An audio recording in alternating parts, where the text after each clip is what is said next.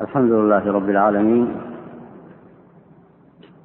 وصلى الله وسلم على نبينا محمد وعلى آله وصحبه أجمعين. سبحانك اللهم لا علم لنا إلا ما علمتنا إنك أنت العليم الحكيم. أيها الإخوة الفضلاء السلام عليكم ورحمة الله وبركاته. آه، بادئ لي بدء أعتذر عن تاخري آه، عفوا الأسبوع الماضي وذلك لبعض الظروف الطارئة. وأسأل الله عز وجل أن يعيننا وإياكم على طاعته وأن يقوينا بفضله. هذا الدرس أيها الإخوة الفضلاء هو في تفسير قول الله تعالى أعوذ بالله من الشيطان الرجيم بسم الله الرحمن الرحيم. يا أيها الذين آمنوا لا تحرموا طيبات ما أحل الله لكم ولا تعتدوا. إن الله لا يحب المعتدين. وكلوا مما رزقكم الله حلالا طيبا واتقوا الله الذي أنتم به مؤمنون. هذه الآية من سورة المائدة. تكلم عليها علماء التفسير في بيان ما يتعلق بها من الأحكام.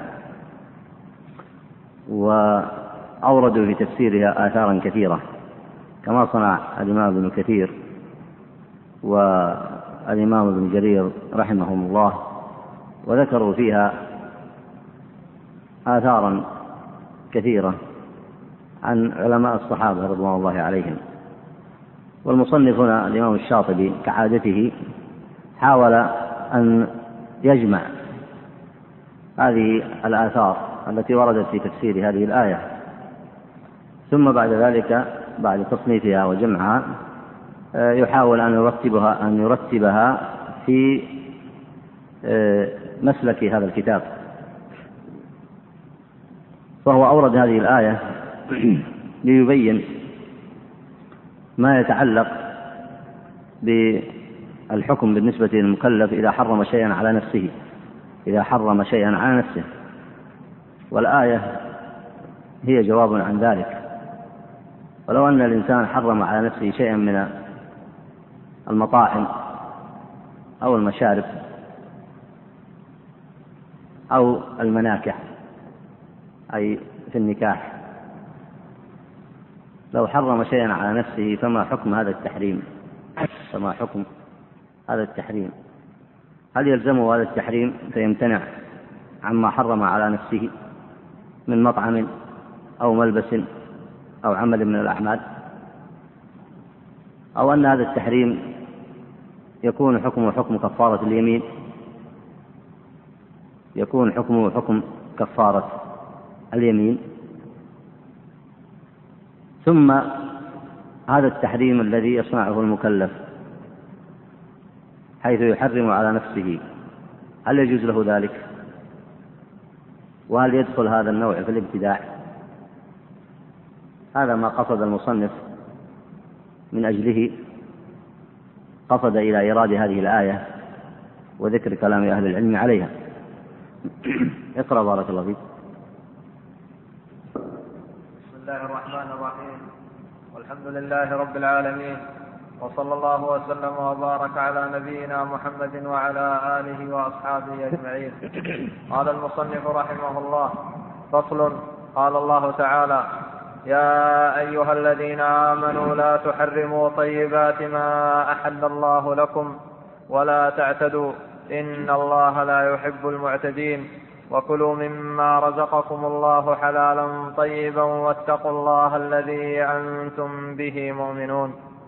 روي في سبب نزول هذه الآية أخبار جملتها تدور على معنى واحد وهو تحريم ما أحل الله من الطيبات تدينا أو شبه التدين والله نهى عن ذلك وجعله اعتداء والله لا يحب المعتدين. ثم قرر الإباحة تقريرا تقريرا زائدة على ما تقرر بقوله وكلوا مما رزقكم الله حلالا طيبا ثم أمرهم بالتقوى وذلك مشعر بأن تحريم ما أحل الله خارج عن درجة التقوى. بارك الله فيك. قول المصنف أن من حرم على نفسه ما أحل الله من الطيبات تدينا أو شبه تدين يعني يقصد بذلك التقرب إلى الله. هذا يدخل في قوله تدينا أو شبه تدين ما يلحق بذلك. ما يلحق بذلك. والمقصود أن الأحكام المتعلقة بهذه الآية التحريم شاملة لمن تدين بتحريم الحرام عفوا بتحريم الحلال على نفسه كتحريم بعض المطاعم والملابس. ويدخل فيه أيضا من حرم شيئا على نفسه وإن لم يجب إذا سألناه مثلا فقلنا هل حرمت هذا تدينا؟ فإنه قد يقول لم أحرم ذلك تدينا. لم أحرم ذلك تدينا. ومع ذلك فنحن الظاهر من شأنه أنه لا يحرم ذلك على نفسه إلا لمصلحة تعود إليه. وكأن هذه المصلحة شرعية عنده وهذا شبه التدين. يعني إما أن يكون صريحا وإما أن يكون التحريم إما أن يكون مقصد التحريم صريح وإما أن يكون غير صريح. وعلى هذا تدخل جميع الصور.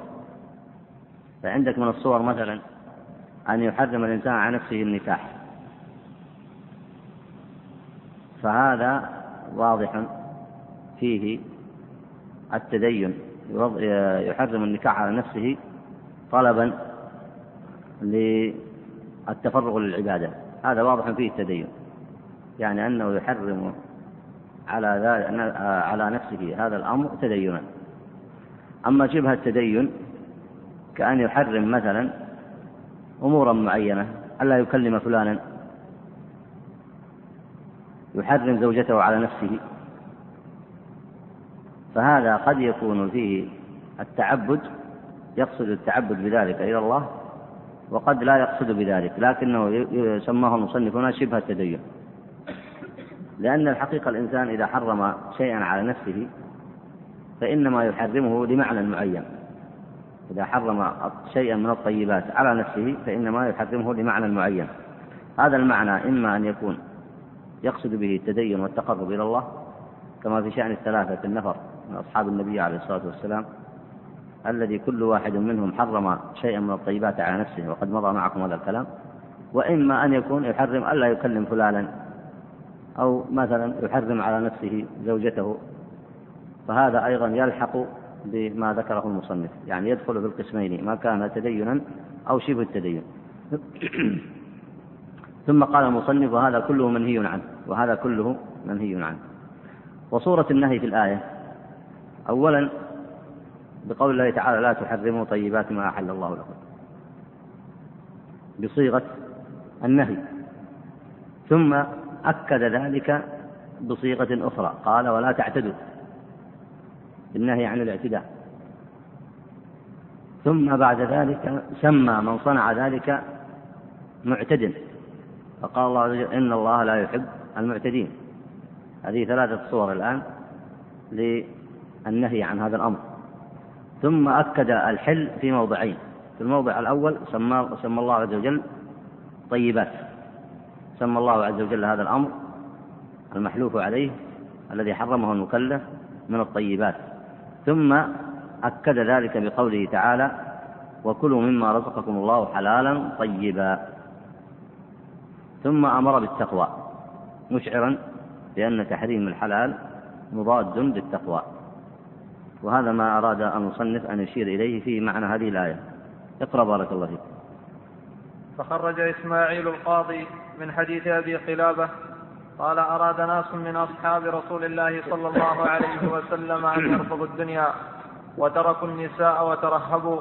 فقام رسول الله صلى الله عليه وسلم فغلظ عليهم المقالة فقال إنما هلك من كان قبلكم إنما هلك من كان قبل قبلكم قبلكم بالتشديد شددوا على أنفسهم فشدد الله عليهم. فأولئك بقاياهم في الديار والصوامع. اعبدوا الله ولا تشركوا به شيئا وحجوا واعتمروا واستقيموا يستقم بكم. قال ونزلت فيهم يا أيها الذين آمنوا لا تحرموا طيبات ما أحل الله لكم. وفي الترمذي عن ابن عباس قال إن رجلا أتى النبي صلى الله عليه وسلم فقال يا رسول الله إني إذا أصبت اللحم انتشرت للنساء وأخذتني شهوتي فحرمت علي اللحم فأنزل الله الآية. حديث حسن. وفي رواية عن ابن عباس رضي الله عنهما قال نزلت هذه الآية في رهط من أصحاب رسول الله صلى الله عليه وسلم منهم أبو بكر وعمر وعلي وابن مسعود وعثمان بن مضعون والمقداد بن الأسود الكندي وسالم مولى أبي حذيفة اجتمعوا في دار عثمان بن مضعون الجمحي فتوافقوا أن يجبوا أنفسهم بأن يعتزلوا النساء ولا يأكلوا لحما ولا دسما وأن يلبسوا المسوح ولا يأكلوا من الطعام إلا قوتا وأن يسيحوا في الأرض كهيئة الرهبان فبلغ ذلك رسول الله صلى الله عليه وسلم من أمرهم فأتى عثمان بن مضعون في منزله فلم يجده فيه ولا إياهم فقال لامرأة عثمان أم حكيم ابنة أبي أمية بن الحارث بن حارثة السلمي أحق ما بلغني عن زوجك وأصحابه؟ قالت ما هو يا رسول الله؟ فأخبرها فكرهت ألا تحدث رسول الله صلى الله عليه وسلم وكرهت أن تبدي على زوجها فقالت إن كان أخبرك عثمان فقد صدق. فقال لها رسول الله صلى الله عليه وسلم قولي, قولي لزوجك وأصحابه إذا رجعوا.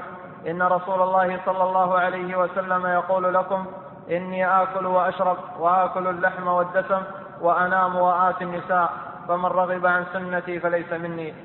فلما رجع عثمان وأصحابه أخبرتهم امرأته بما أمر به رسول الله صلى الله عليه وسلم. فقال لقد بلغ رسول الله صلى الله عليه وسلم أمرنا فما أعجبه. فذروا ما كره رسول الله صلى الله عليه وسلم. ونزل فيها يا أيها الذين آمنوا لا تحرموا طيبات ما أحل الله لكم. قال من الطعام والشراب والجماع. ولا تعتدوا. قال في قطع المذاكير إن الله لا يحب المعتدين. قال الحلال إلى الحرام. بارك الله فيك. الأصل في هذا الباب أيها الإخوة ما مضى معكم من قصة الثلاثة الرهط من أصحاب النبي عليه الصلاة والسلام والذي في الصحيح أنه لم يرد تسميتهم لم يرد في الصحيح تسمية لهم وهم الثلاثة الذي أراد كل واحد منهم أن يحرم على نفسه شيئا. فقال رجل لا آكل اللحم وقال رجل آخر لا آتي النساء وقال رجل ثالث آه، أقوم الليل فلا أنام. هذا هو الأصل في هذا الباب وهي في الصحيح كما سبق معكم. فقد أوردها المصنف قبل ذلك في أول الكتاب وعليها المعول في هذا الأمر. وأيضا هي تفسير للآية تفسير للآية.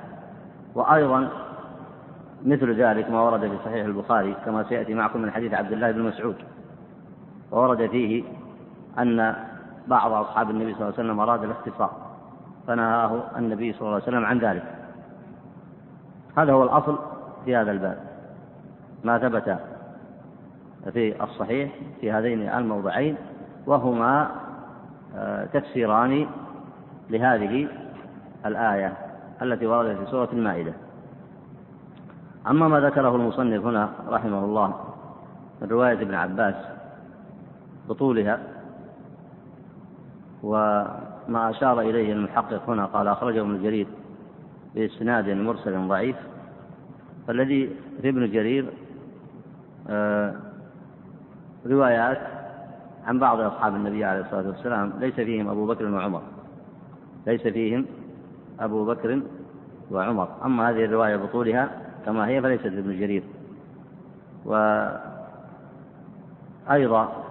هذه الروايات كثيرة في العادة يذكرها أهل التفسير للبيان لكن يشيرون إلى ضعف في أسانيدها. والمقصود أن ما ورد في الصحيحين كاف في بيان معنى الآية. أما تحديد من صنع ذلك من أصحاب النبي عليه الصلاة والسلام فهذا آه، بما ذكره في رواية ابن عباس آه، ليس لابن جرير آه، الطبري ولم يرد بمثل هذه الصيغة المذكورة. أي نعم. وفي الصحيح عن عبد الله قال كنا نغزو مع رسول الله صلى الله عليه وسلم ليس معنا نساء. فقلنا ألا نختصي؟ فنهانا عن ذلك. فرخص لنا بعد ذلك أن نتزوج المرأة بالثوب إلى أجل. يعني والله أعلم نكاح المتعة نكاح المتعة المنسوخ. أي نعم. والمقصود بالمنسوخ هو ما ورد لحالة الضرورة كما في هذه الغزوة ثم جاءت الشريعة الحكيمة المباركة بنسخه ثم جاءت الشريعة المباركة بنفسه كما ثبت في الأحاديث الصحيحة وهو إجماع أهل السنة. وهو إجماع أهل السنة أن النكاح إلى أمد باطل. النكاح إلى أمد نكاح المتعة باطل بما ورد وثبت في الأحاديث الصحيحة. والناسخ يسميه العلماء المحفوظ. يسميه العلماء المحفوظ ويسمونه المحكم. ويسمونه المحكم.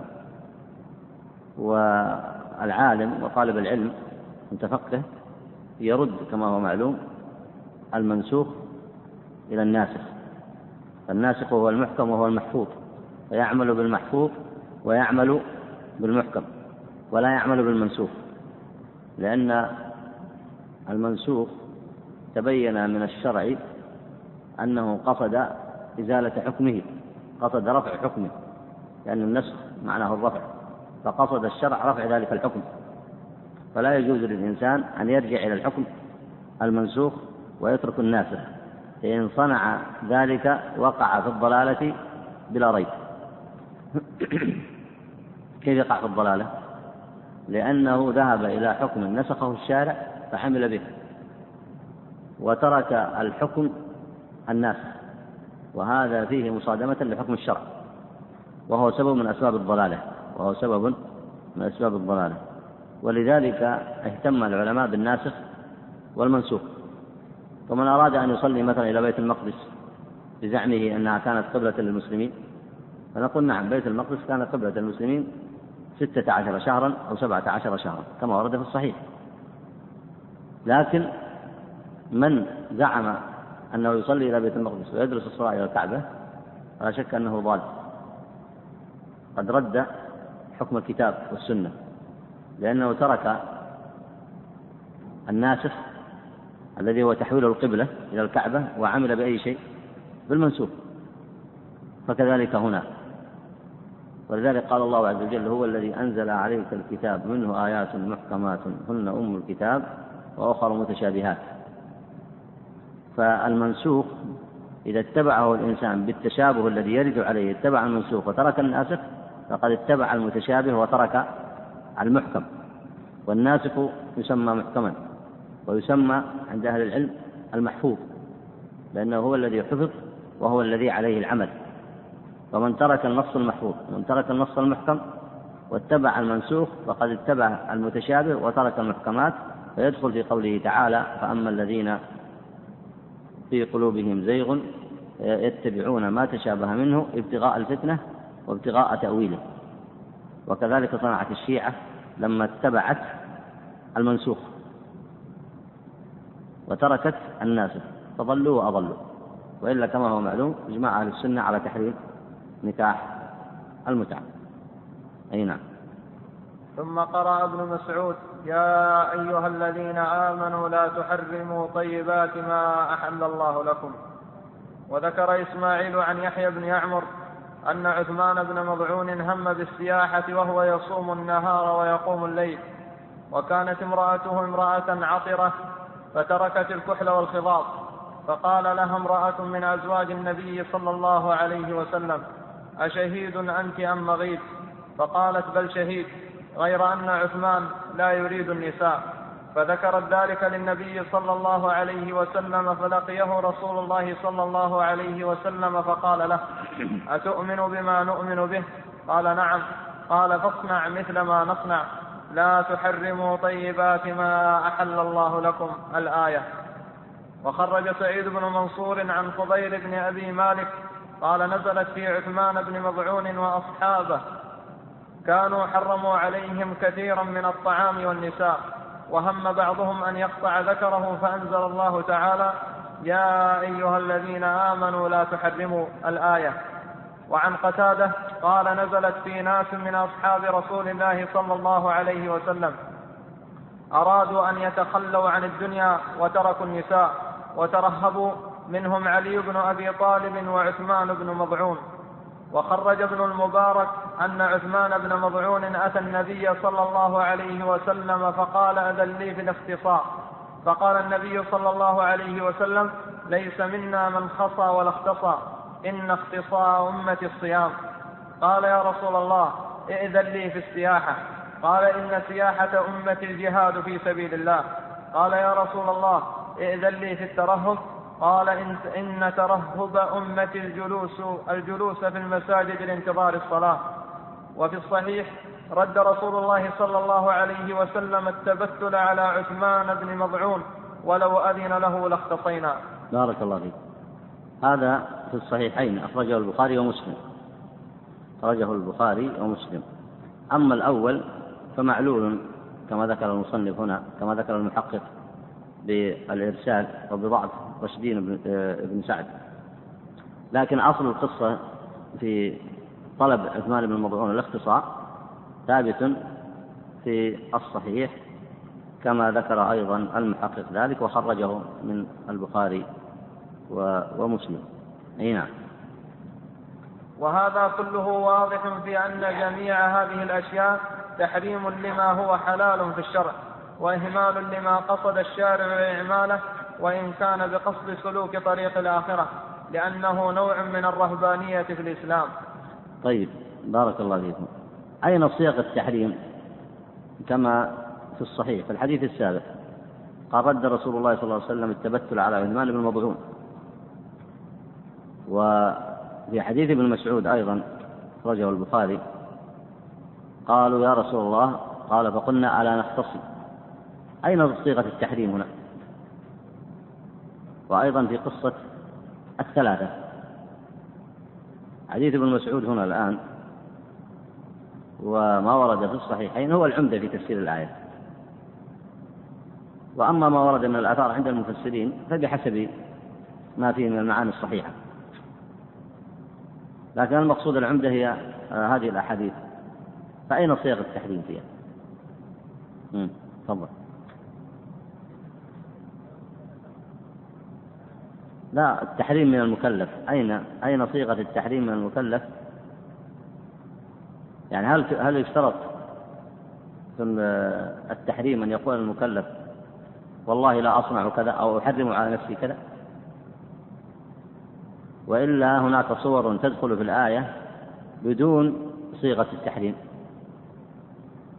الله عز وجل قال يا أيها الذين آمنوا لا تحرموا فأين صيغة التحريم هنا في الأحاديث؟ لا أقصد التحريم الصيغة التي استعملها المكلف في التحريم على نفسه. أي نعم. إرادتهم الاختصار. أحسنت إرادتهم الاختصار.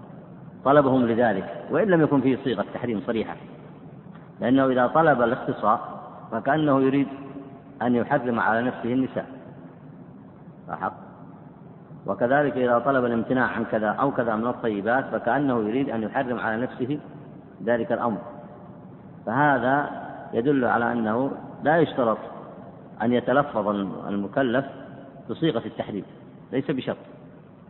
بل كونه يمنع نفسه يمنع نفسه تدينا أو شبه التدين مما من شيء من الطيبات هذا وحده يدخل في معنى التحريم لأن التحريم معناه المنع. حرم على نفسه كذا أي حجر عن نفسه كذا ومنع عن نفسه كذا. فبأي صيغة وقع ذلك فهو داخل في الآية. وإلا كما ترون في قول عثمان بن مضعون ليس فيه صيغة التحريم الصريحة.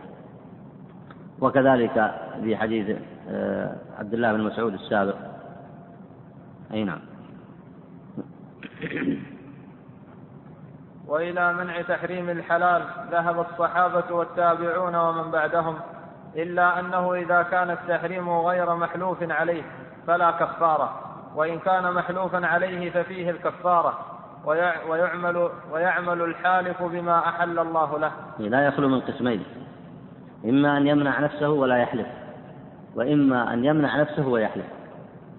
الصورة الأولى يقول لا آكل اللحم مثلا أو لا أتزوج النساء أو لا أكلم فلانا هذا منع نفسه لكن بغير قسم.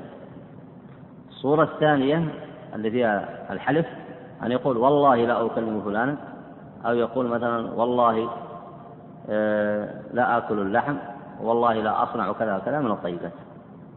فإن كانت الصورة الأولى فليس فيها كفارة. وعليه أن يعود لما أحل الله له. وإن كانت الصورة الثانية التي فيها اليمين ففيها الكفارة كما سيأتي معكم.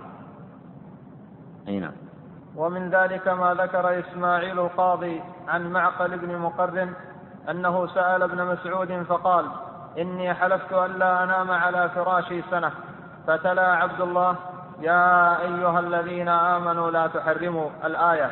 ادن فكل وكفر عن يمينك ونم على فراشك. أي نعم. لاحظ هنا هذا أيضا ذكره ابن كثير. ذكره ابن كثير رحمه الله. بلفظ قال إني حرمت فراشي. إني حرمت فراشي. والفراش يطلق على الزوجة. فراش يطلق على الزوجة. إي نعم. وفي رواية كان معقل يكثر الصوم والصلاة فحلف ألا ينام على فراشه فأتى ابن مسعود رضي الله عنه فسأله عن ذلك فقرأ عليه الآية. وعن المغيرة قال نعم. هذا في الرواية الثانية يدل على أنه لا يريد أن ينام. وإنما يقوم الليل كله. ويبدو أن هذا هو ظاهر قصده. أي نعم. وعن المغيرة قال قلت لإبراهيم في هذه الآية لا تحرموا طيبات ما أحل الله لكم. أهو الرجل يحرم الشيء مما أحل الله له؟ قال نعم.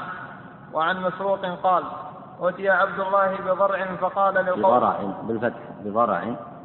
بضرع فقال للقوم ابنوا. فأخذوا يطعمون فقال رجل إني حرمت الضرع إني حرمت الضرع. فقال عبد الله هذا من خطوات الشيطان. يا أيها الذين آمنوا لا تحرموا ما أحل الله لكم. ادن فكل وكفر عن يمينك. أي نعم. الضرع بالفتح كما في القاموس يطلق على لحم الجمل يطلق على الجمل الضعيف. يعني أتوا له بلحم فلما أخذوا يطعمون منه. قال رجل من أصحابه إني حرمت الضرع. فقال عبد الله هذا من خطوات الشيطان لأنه حرم شيئا من الطيبات على نفسه. ثم قال ادن فكل وكفر عن يمينك. هذا رواه الحاكم في مستدركه من طريق ابن إسحاق من طريق إسحاق بن راهويه عن جرير عن منصور به أي بهذا الإسناد. ثم قال آه، الحاكم هو على شرط الشيخين. ثم قال هو على شرط الشيخين. وأيضا ذكره ابن كثير بسنده. وأكثر هذه الروايات أخرجهن آه، ابن أبي حاتم في التفسير. أخرجهن ابن أبي حاتم في التفسير وأصلها كما سبق في الصحيحين. أي نعم. وعلى ذلك جرت الفتيا في الإسلام. أن كل من حرم على نفسه شيئا مما أحل الله له مما أحل الله فليس ذلك التحريم بشيء. معنى ليس بشيء أي لغو لا يترتب عليه شيء. يعني لا يجوز له أن يعتمد هذا التحريم على نفسه. والأمر الثاني أنه ليس بشيء لأن الذي يحرم هو الله.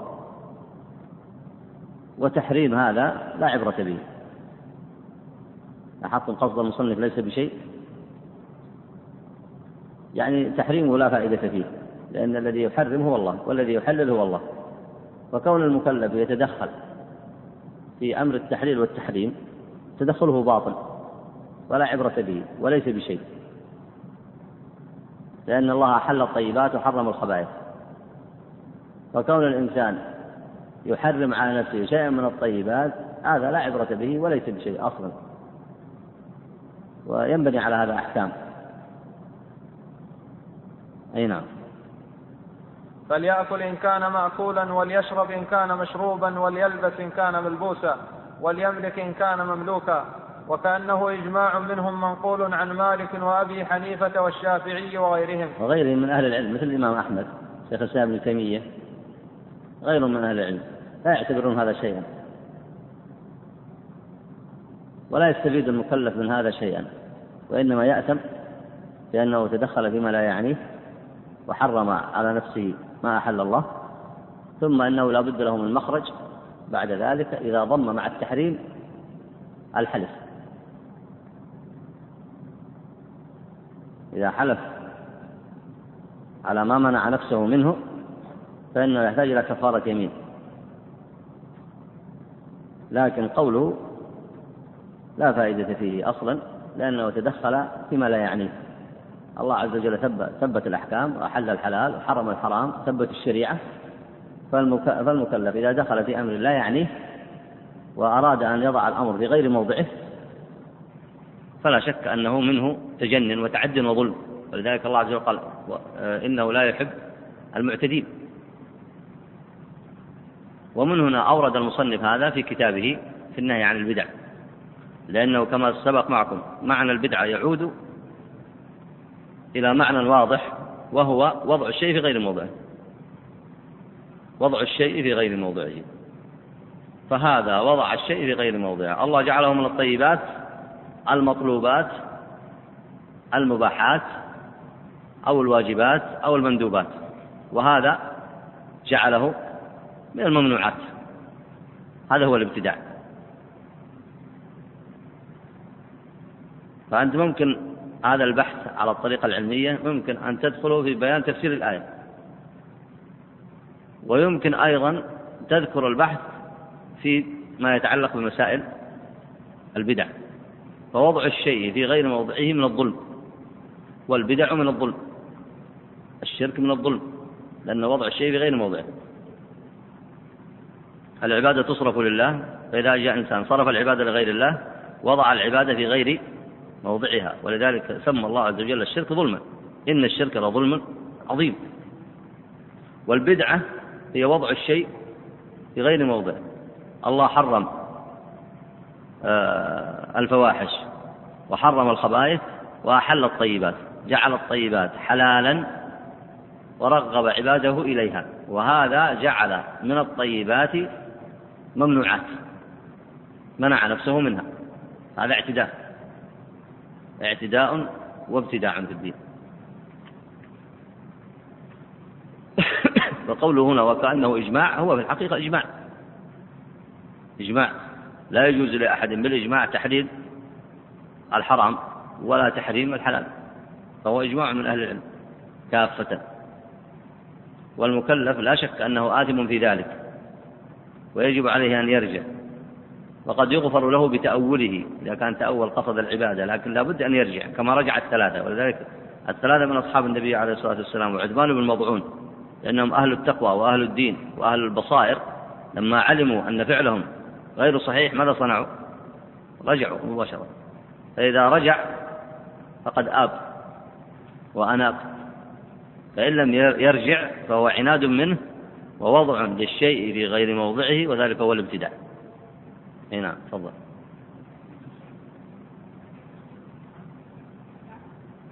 هذا سيأتي معكم في أنواع التحليل والتحريم. التحليل والتحريم أنواع.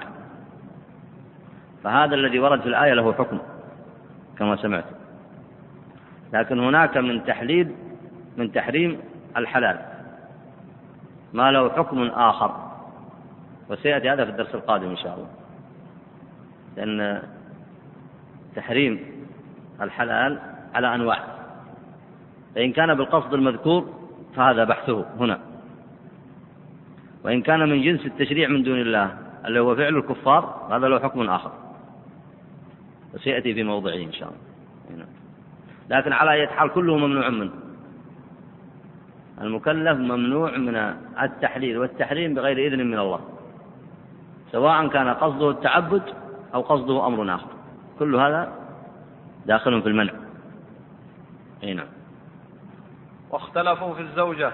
ومذهب مالك أن التحريم طلاق كالطلاق الثلاث. وما سوى ذلك فهو باطل لأن القرآن شهد بكونه اعتداء. حتى إنه إن حرم على نفسه وطأ أمة, وطأ أمة غيره قاصدا به العتق فوطئها حلال. وكذلك سائر الأشياء من اللباس والمسكن والكلام والصمت والاستظلال والاستضحاء بالنسبة للأمة الأمة ليست زوجة فألحقت بما ذكره المصنف هنا بالمسكن والكلام وتحريم اللباس أو غير ذلك. أما الزوجة فلها حكم خاص وسيأتي الكلام عليه وإن لم يرده المصنف هنا لكن نشير إليه بحسب الموضع. لكن قبل الكلام فيما يتعلق بالزوجة آه، بالنسبة لمن حرم على نفسه شيئا فقد مضى كلام المصنف.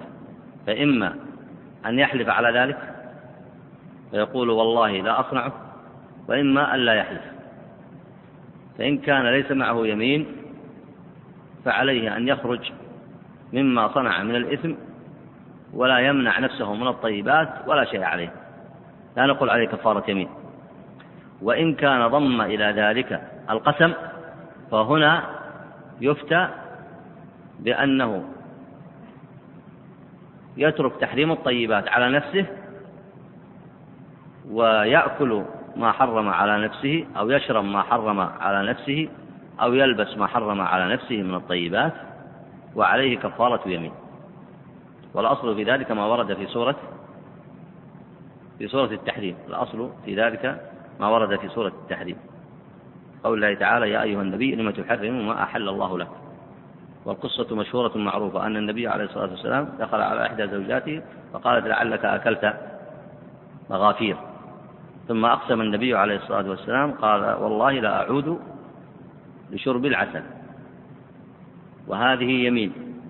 أما عدم أكل العسل فهو منع من الطيبات. وأما أنه معه يمين فهو قول النبي عليه الصلاة والسلام والله.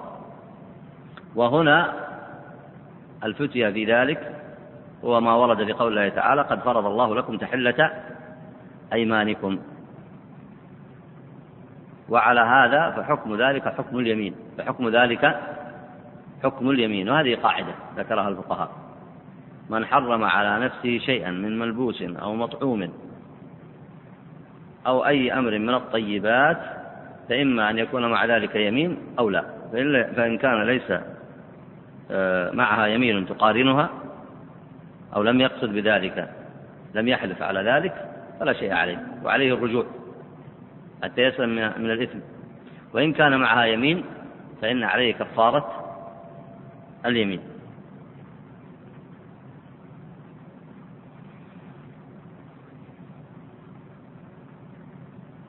اي نعم. وقد طبعا حكم اليمين لا بد أن تكون منعقدة كما هو معلوم. لا بد أن تكون منعقدة ولا بد أن يكون مختارا ولا بد أن يكون مختارا. لكن من أكره على تحريم شيء أكره على أن يحرم شيئا على نفسه فالمكره يخرج من هذا. لا بد أن تكون منعقدة ولا بد أن يكون مختارا. اي نعم.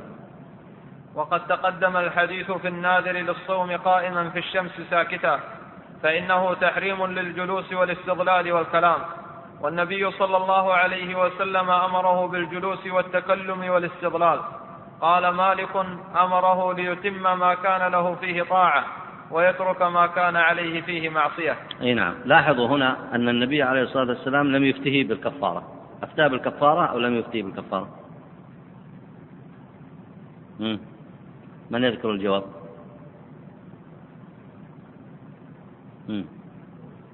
لم يفتي بالكفارة.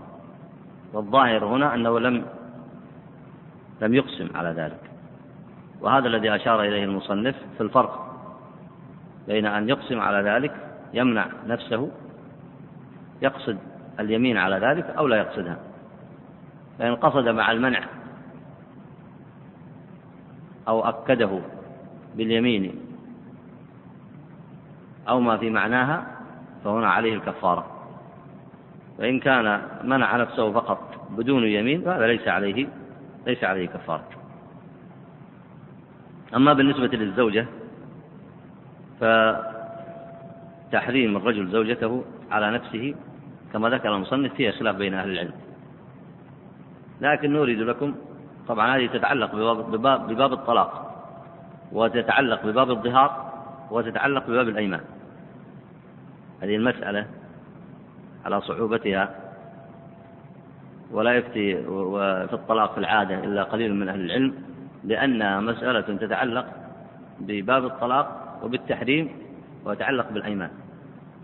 ولأن صور ألفاظ الطلاق متعددة جدا ويلاحظ فيها مقاصد المكلف.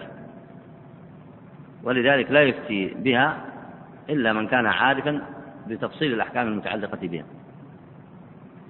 فنورد لكم على سبيل الإيجاز هنا آه، الصواب من كلام أهل العلم والله أعلم به على ما يفتي به كثير من المشايخ آه، إن طلقها إن حرم زوجته التحريم إما أن يكون الطلاق صريحا لأن الطلاق فيه معنى التحريم. طلقها يريد أن يمتنع عنها يريد أن يمنعها عن نفسه. لكن هذا المنع قد يتم على الطلاق السني أو البدعي وله صور كثيرة. وله صور كثيرة جدا. والطلاق السني إذا أراد الإنسان أن يطلق زوجته معروف أنه يطلقها طلقة واحدة ثم يستقبل العدة. يطلقها طلقة واحدة ثم يستقبل العدة. فإذا انقضت العدة فهي ليست زوجة له. فبعد العدة يبقى له فيها طلقتان إن أراد أن يعود إليها وشرط العود إليها أن يعقد عليها عقدا جديدا. أما في داخل العدة كما هو معلوم فهي زوجة.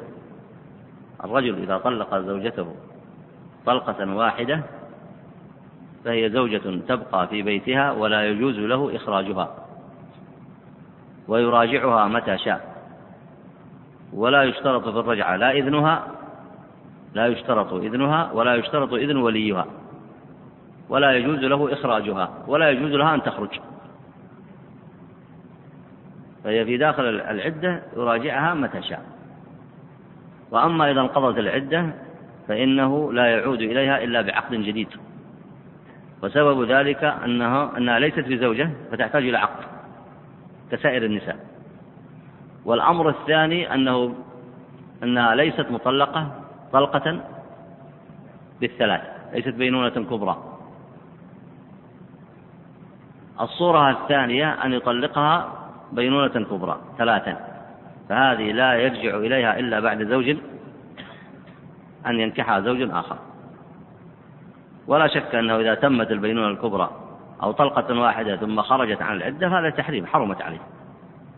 لكن هذا هذا هذا النوع من التحريم صيغته الطلاق وينتهي بمثل هذه الحالة وينتهي حسب هذا الترتيب.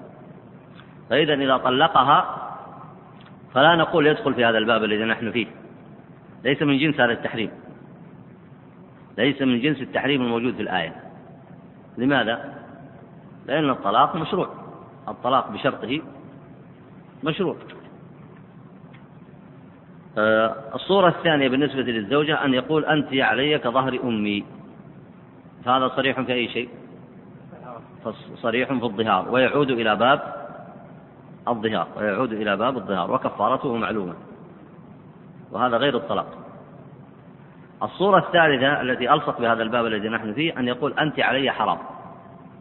أن يقول أنت علي حرام. فيمتنع عنها يمتنع عن زوجته يمتنع عن زوجته. هذه الصورة إن قصد الامتناع عنها حثا أو منعا كما يفتي به كثير من أهل العلم أفتى به شيخ الإسلام ابن تيمية وتدخل في هذه الصورة هنا وتدخل في موضوعنا في هذا الباب.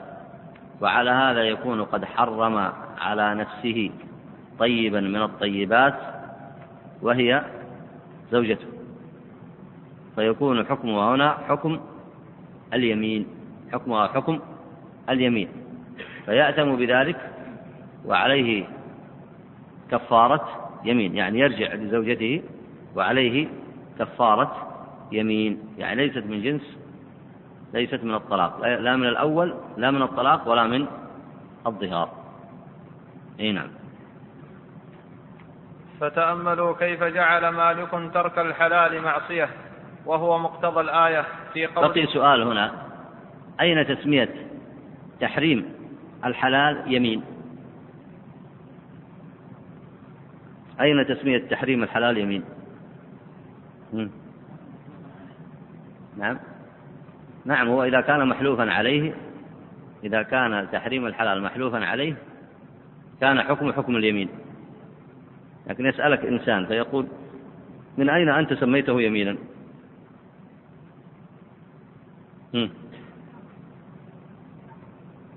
لا الدليل موجود في الآية. نعم القسم يمين لكن في دليل أصرح من هذا. تحلة أيمانكم. تحلة أيمانكم هذه ترجع لأي شيء؟ لما تحرم لما تحرم ما أحل الله لك. كذا أو لا؟ تأمل الآية مرة أخرى. يا أيها النبي لما تحرم ما أحل الله لك؟ ثم قال الله عز وجل في, في نفس الموضع ماذا قال؟ ها؟ قد فرض الله لكم تحلة أيمانكم. فسمى ذلك لاحظ فسمى ذلك إيش؟ يمينا. أي نعم. طيب اقرأ بارك الله فتأملوا كيف جعل مالك ترك الحلال معصية وهو مقتضى الآية في قوله تعالى ولا تعتدوا الآية ومقتضى قول ابن مسعود رضي الله عنه لصاحب الضرع هذا من خطوات الشيطان. يعني استدل على أن التحريم الحلال معصية بثلاثة أدلة. من يذكرها هنا؟ استدل عليها بثلاثة أمور. الأمر الأول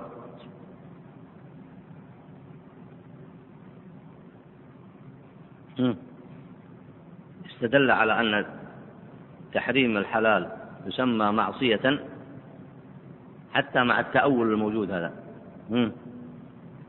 استدل عليه بثلاثة أدلة أو بثلاثة أمور. هي قول الله تعالى ولا تعتدوا. فسماه اعتداء. أي نعم. والثاني مم.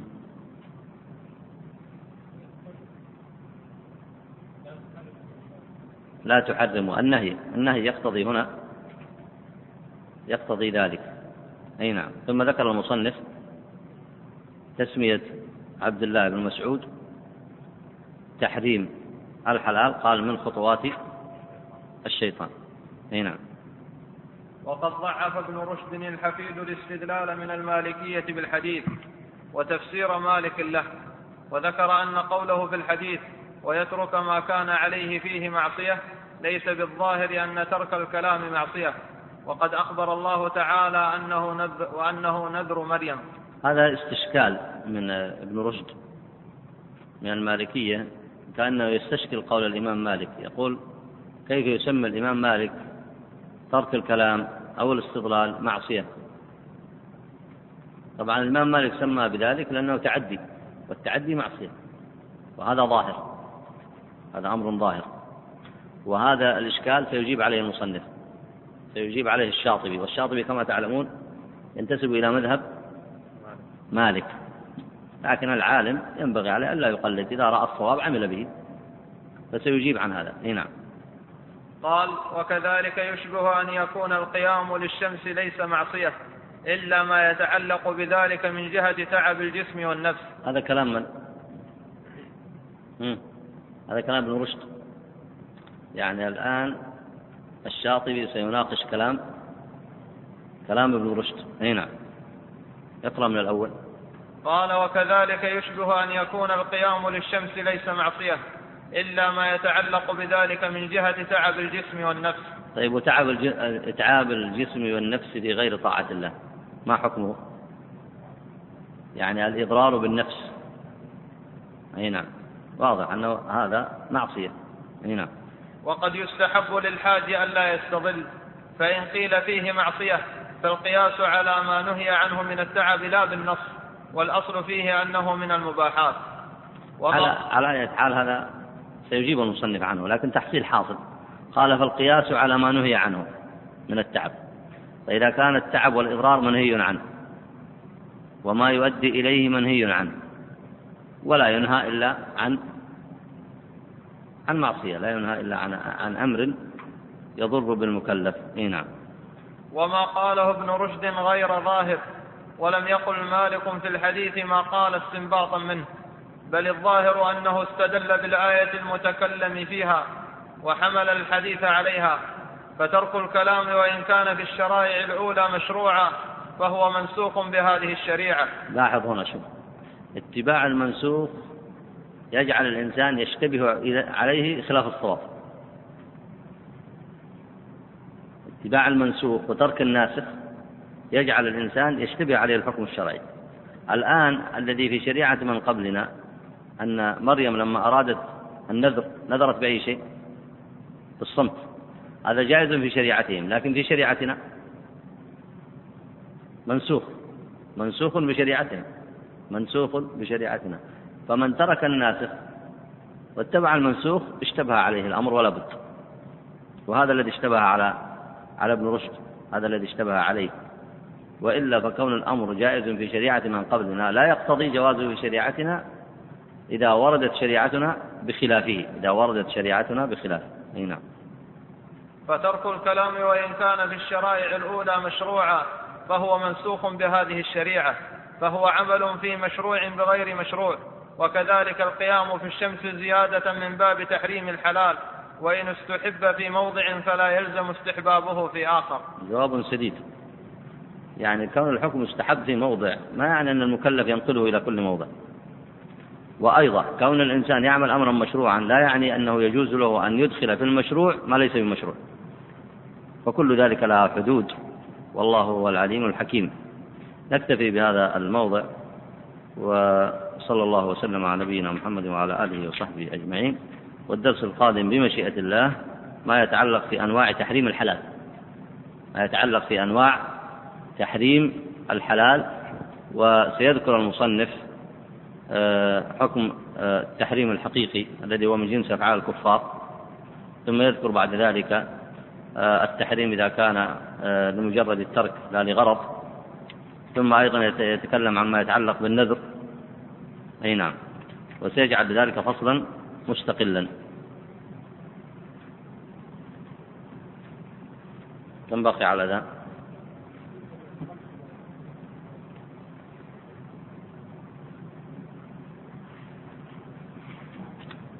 يقول آه، هل يأثم من حرم المباح مثل آه، الذهاب إلى النزهة وغيرها؟ إذا كان خاليا من المحاذير؟ الجواب نعم.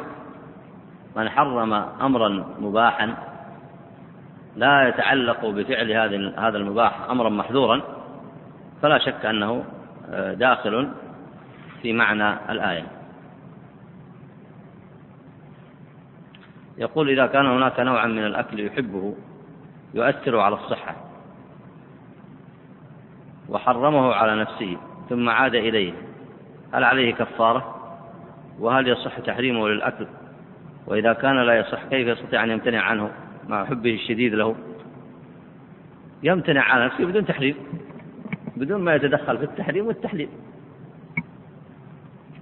أي نعم. فمحبته الشديدة لهذا النوع من الطعام لا تجيز له أن يتدخل في التحديد والتحريم وإنما يمنع نفسه منه لأنه يضره وهذا ليس داخل في الآية.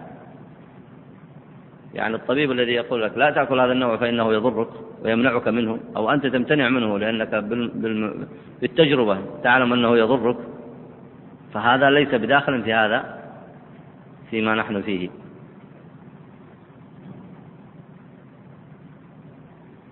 إي نعم. يقول هنا أرجو آه، تذكير الأخوة بأهمية الأمر بالمعروف والنهي عن المنكر. والتصدي لحملات بعض الكتاب الذين يدعون إلى الرذيلة والاختلاط. لا شك أيها الإخوة أن هذا آه، الأمر من الواجبات المتعينات وهو مما يجب اجتماع المسلمين عليه وهو داخل في وجوب الدعوة إلى الله عز وجل والأمر بالمعروف والنهي عن المنكر. فينبغي لطلبة العلم أن يشاركوا في ذلك بقدر جهدهم. والدعوة إلى الله عز وجل ببيان التوحيد والنهي عن ضده والأمر بالاحتكام إلى الشرائع ونشر العلم الشرعي وإقامة الأحكام تربية الناس على الإسلام. هذا هو العلاج الصحيح لصد كل الفتن التي تقف في وجيه المسلمين. لكن هذا يحتاج إلى عمل وصبر وجهد. فنسأل الله عز وجل أن يعيننا وإياكم على ذلك. والموفق من وفقه الله.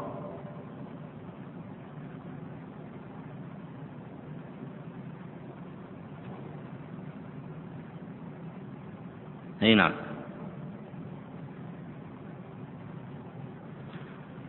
آه، بالنسبة لما آه، يتعلق أيضا بهذه الفريضة وهذا ورد أيضا ما يتعلق بالأمر المعروف والنهي عن المنكر والدعوة إلى الله عز وجل فهو واجب الجميع وهو الحصانة الربانية التي آه، جعلها الله عز وجل في قوله كنتم خير أمة أخرجت للناس تأمرون بالمعروف وتنهون عن المنكر وتؤمنون بالله.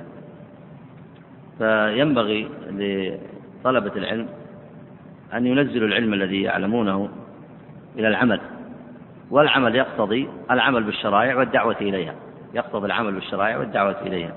وليس بخاف على الجميع ليس بخاف على الجميع أن العلم الذي أمر الله عز وجل في كتابه ومدحه هو العلم الذي يؤدي إلى العمل.